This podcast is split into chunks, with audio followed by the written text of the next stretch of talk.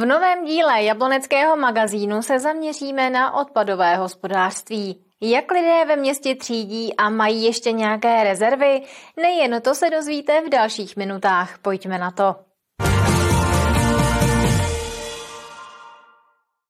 Třídění směsného komunálního odpadu je takový evergreen. V Jablonci nad Nisou se tomuto tématu intenzivně věnují a sledují, jak si občané města vedou. Podle radnice jsou v této oblasti ještě poměrně velké rezervy. Jablonec třídí hodně, ale i tak je pořád asi 60% odpadu nevytříděného. Mohli jsme to vidět při uh, terénním šetření, kdy se analyzoval směsný komunální odpad a ten odpad od panelových domů byl výrazně nevytříděný, abych to řekla takhle obecně. Analýza odpadu probíhá ve spolupráci města a společnosti Ekokom. Popelářský vůz provede klasický svoz směsného komunálního odpadu a vzorek podrobně rozebírá odborná firma. Analýza spočívá v ručním rozstřídění reprezentativního vzorku odpadu do definovaných látkových skupin. Papír nebo lepenka, plasty, sklo, kompostovatelný i nekompostovatelný odpad, kovy, elektroodpad, nápojové kartony, nebezpečný odpad, textil. Jde tedy o odpady, které do směsného komunálního odpadu nepatří a mají správně skončit v barevných nádobách či pytlích. Podle nedávné analýzy komunálního odpadu zůstává na sídlištích přes 62% odpadu, který by bylo možné vytřídit a dále zpracovat. Až 17% hmotnosti černých kontejnerů ze sídlišť pak tvoří plasty. U rodinných domů a u menších bytových domů se třídí e, vizuálně víc. Je to i vidět potom na té typizované hromadě toho odpadu, že skutečně od rodinných domů, e, třeba zejména v zimě, tak e, už tam jsou nevytříditelné složky téměř a třeba popel. Zatímco u panelových domů, tak je tam všechno možné, včetně spousty plastů, spousty papíru, elektrozařízení. Vlastně vypadá to, jak když se u panelových domů netřídí vůbec, ačkoliv se třídí, ale i tak je tam velká rezerva v tom. Největší potenciál pak vedení města vidí v bioodpadu. Ten se ale dnes ve městě netřídí. To je odpad, který obsahuje hodně vody a jde do spalovny.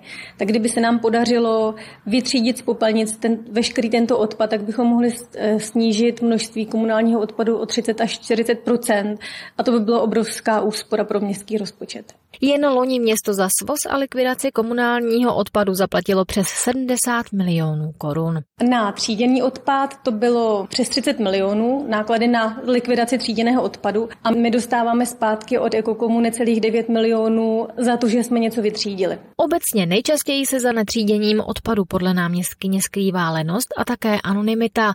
Lidé na sídlištích totiž necítí za vyhozený odpad takovou zodpovědnost. Ten bytový dům, když má 100 lidí, 150 lidí, tak je to přece jenom anonymizované prostředí a kontrola tam není. Zatímco když má člověk popelnici u svého domu, tak prostě ví, co tam dává a cítí se za to víc odpovědný. Z toho vyplývá, že lidé lépe třídí v zástavbách rodinných domů.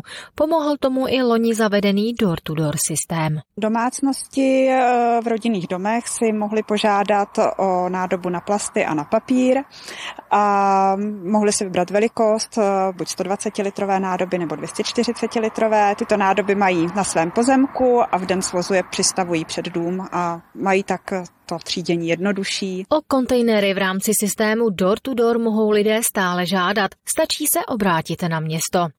V souvislosti se zavedením tohoto systému zrušila radnice několik veřejných kontejnerových stání. Ve většině případů šlo o lokality se zástavbou rodinných domů. Stanoviště tříděného odpadu si lze pro lepší orientaci vyhledat na webu. Každý má možnost najít si stanoviště tříděného odpadu, myslím tím ty veřejná, na stránkách města. Stačí v záložce mapy si otevřít mapu odpadového hospodářství.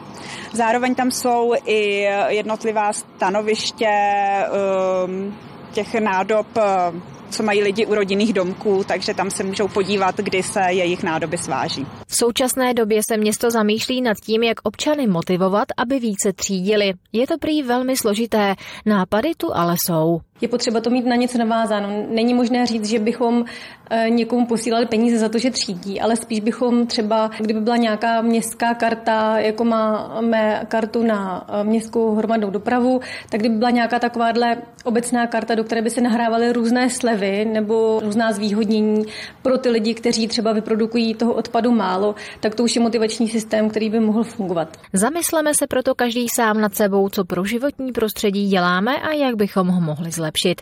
Třídit odpad je to nejmenší, co proto můžeme udělat.